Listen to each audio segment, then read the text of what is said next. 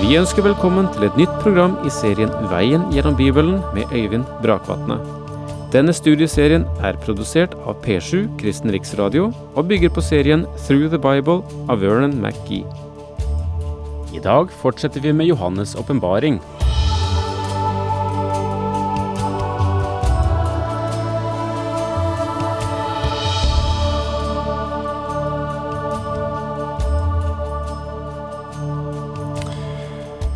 Vi befinner oss i epilogen, sluttordet til kapittel 18.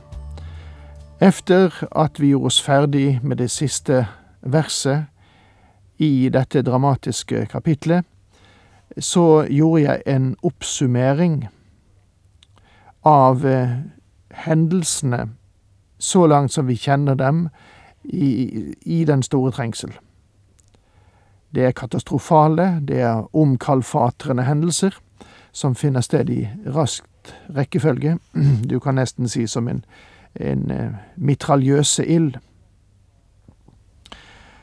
Så jeg vil ikke gjenta noe av det, bare understreke at inn i dette forferdelige og rystende kaos, som jeg da skisserte sist, et kaos som er et resultat av menneskets og Satans planer, så kommer kongenes konge og herrenes herre.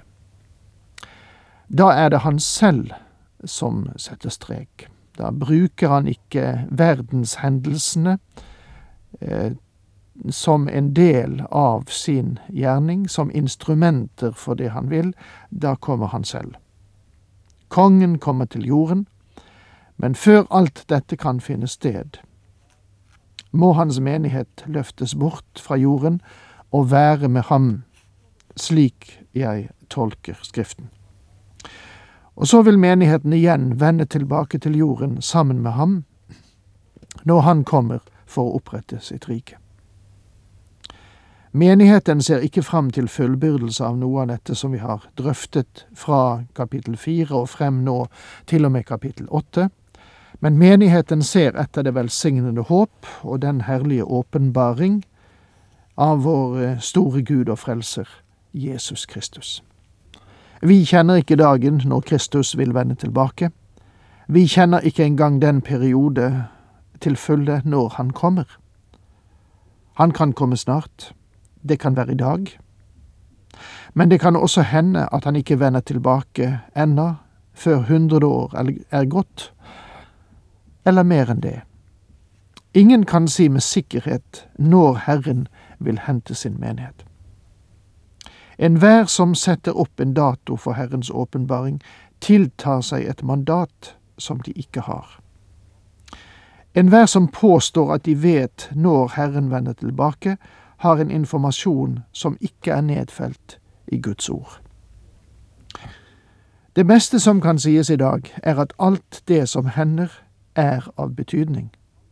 Vi lever i en stor epoke i verdenshistorien, men alt vi med sikkerhet kan si, er at vår frelse er nærmere nå enn da vi først kom til troen.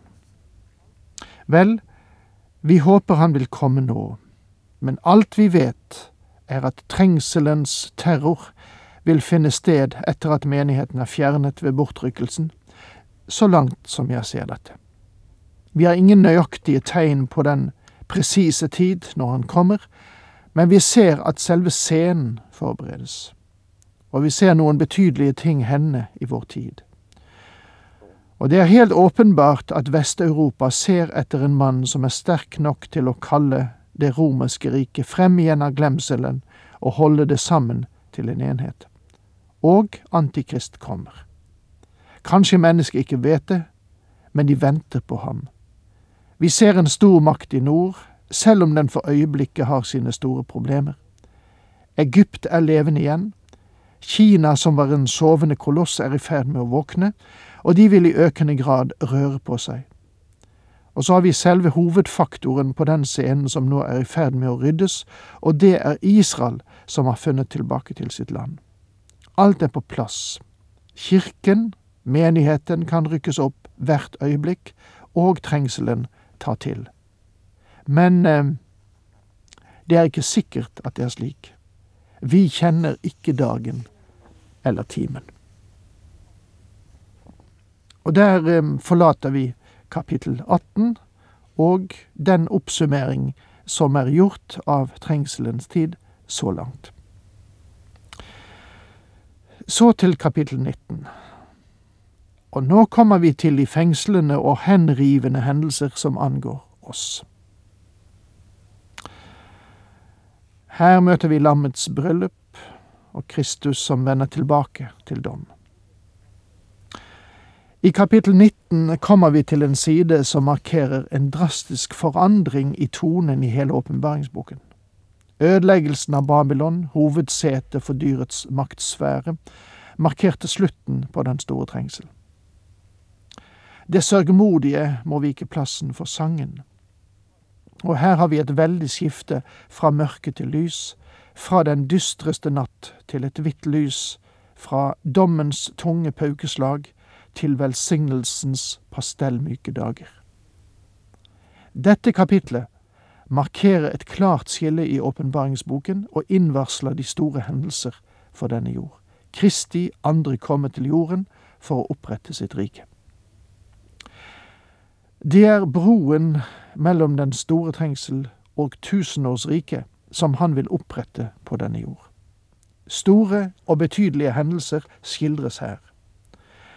De to sentrale hendelser er lammets bryllupsnattverd og at Kristus vender tilbake til jorden. Den ene følger den andre. Det er et halleluja som åpner dette kapitlet, og ved avslutningen av det åpnes helvete. To store måltider er beskrevet i dette kapitlet. Lammets bryllupsnattverd og den kannibalistiske festen etter siste del av krigen ved Hamageddon.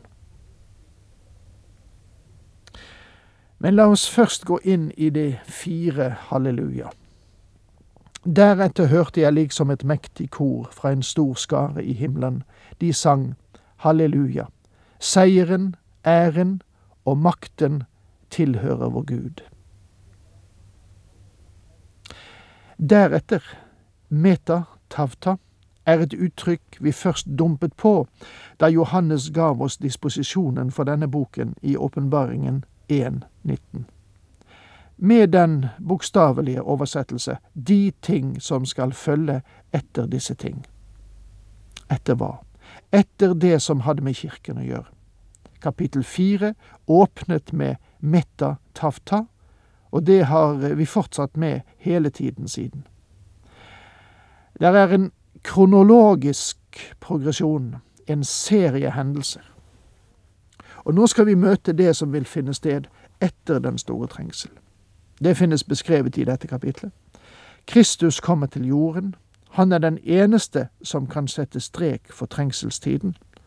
Og derfor opptrer nå dette uttrykket for siste gang. Meta tafta. Derefter. Eller efter dette. Et mektig kor fra en stor skare. I de scener av tilbedelse som vi har i kapittel fem og syv, møtte vi de eldste, menigheten, og de utallige engler og skapte vesener som alle tilbar Gud. Nå er det lagt til en mektig skare av hellige som er kommet ut av den store trengsel. De har nå sluttet seg til koret, og de vil også være med og synge. Og dette er noe helt fantastisk. Dette er første gang de har vært i stand til å gi uttrykk for den store lovprisningen fra Det gamle testamentet. Og det bryter ut i et halleluja. Dette ordet forekommer fire ganger i de første seks versene. Det er eneste gangen du møter dette ordet i Det nye testamentet. Det er reservert for den endelige seier og det er interessant å legge merke til at halleluja forekommer ganske ofte i Salmenes bok. Det betyr pris Herren. Det forekommer særlig tett i salmene 146 til 150. Faktisk er salme 150 et mektig crescendo av lovprisning. Halleluja er et passende lovprisningsord på det stadiet vi nå er i åpenbaringsboken. Den store trengsel er forbi. Jesus kommer. Menigheten skal forenes med Kristus som hans brud. Halleluja. La oss synge det, mine venner. Hver gang jeg hører halleluja-koret i Hendels Messias, tar det et ekstra tak i meg. Men uansett hvilket kor som synger det, vil de bare være en blek og matt erstatning for dette mektige halleluja fremtiden borger for. Salme 104 vers 35 formulerer det slik. La synderne forsvinne fra jorden. La ingen gudløses finnes mer. Lov Herren min sjel. Halleluja. Og her møter vi et halleluja fordi Gud kommer og dømmer, og de onde og det onde tas bort fra jorden. Halleluja er, et, eh, er en uttrykksfull lovprisning når vi går inn i den avsluttende fase av vår frelse. Og dette er noe Paulus har understreket i Romerbrevets åttende kapittel. Hør hva det står fra vers 18 til 23. Jeg mener at det vi må lide her i tiden, ikke er for noe å regne mot den herlighet som en gang skal åpenbares og bli vår. Alt som er skapt, venter med lengsel på at Guds barn skal åpenbares i herlighet. For det som er skapt, ble lagt under forgjengelighet, ikke frivillig, men på grunn av Ham som gjorde det slik. Likevel var det håp, for det skapte skal bli frigjort fra trelldommen under forgjengeligheten og få del i den frihet som Guds barn skal eie i herlighet. Vi vet at alt som er skapt, stønner og lider som i fødselsveer helt til denne dag. Og ikke bare det, men også vi som har fått Ånden, den første frukt av den kommende høst, vi sukker med oss selv og lengter etter den dag da vårt legeme blir fridd ut, og vi blir Guds barn helt og fullt. Min venn, det er den store dagen som kommer. Jorden skal løses fra sine syndebånd. I mellomtiden stønner den. Ta deg tid til å lytte til skapningens sukk og stønn. Hver bølge som slår mot stranden, er som et gråtkvalt sukk. Suset gjennom trærne er som et forventningens sukk. Jorden venter på sin forløsning.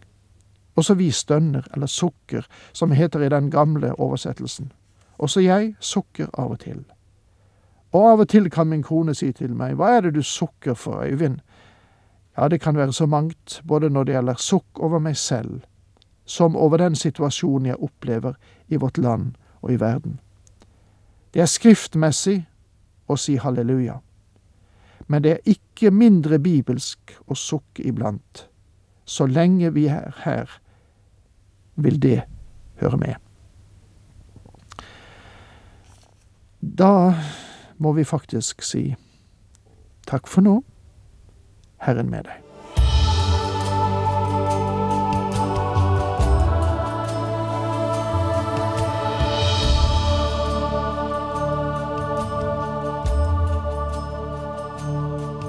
Du hørte Øyvind Brakvatne i studieserien Veien gjennom Bibelen. Serien bygger på et manus av Vern McGee. Har du spørsmål eller kommentarer til programmet, kan du sende en e-post til vgb krøllalfa p7.no. Takk for i dag, og på gjenhør.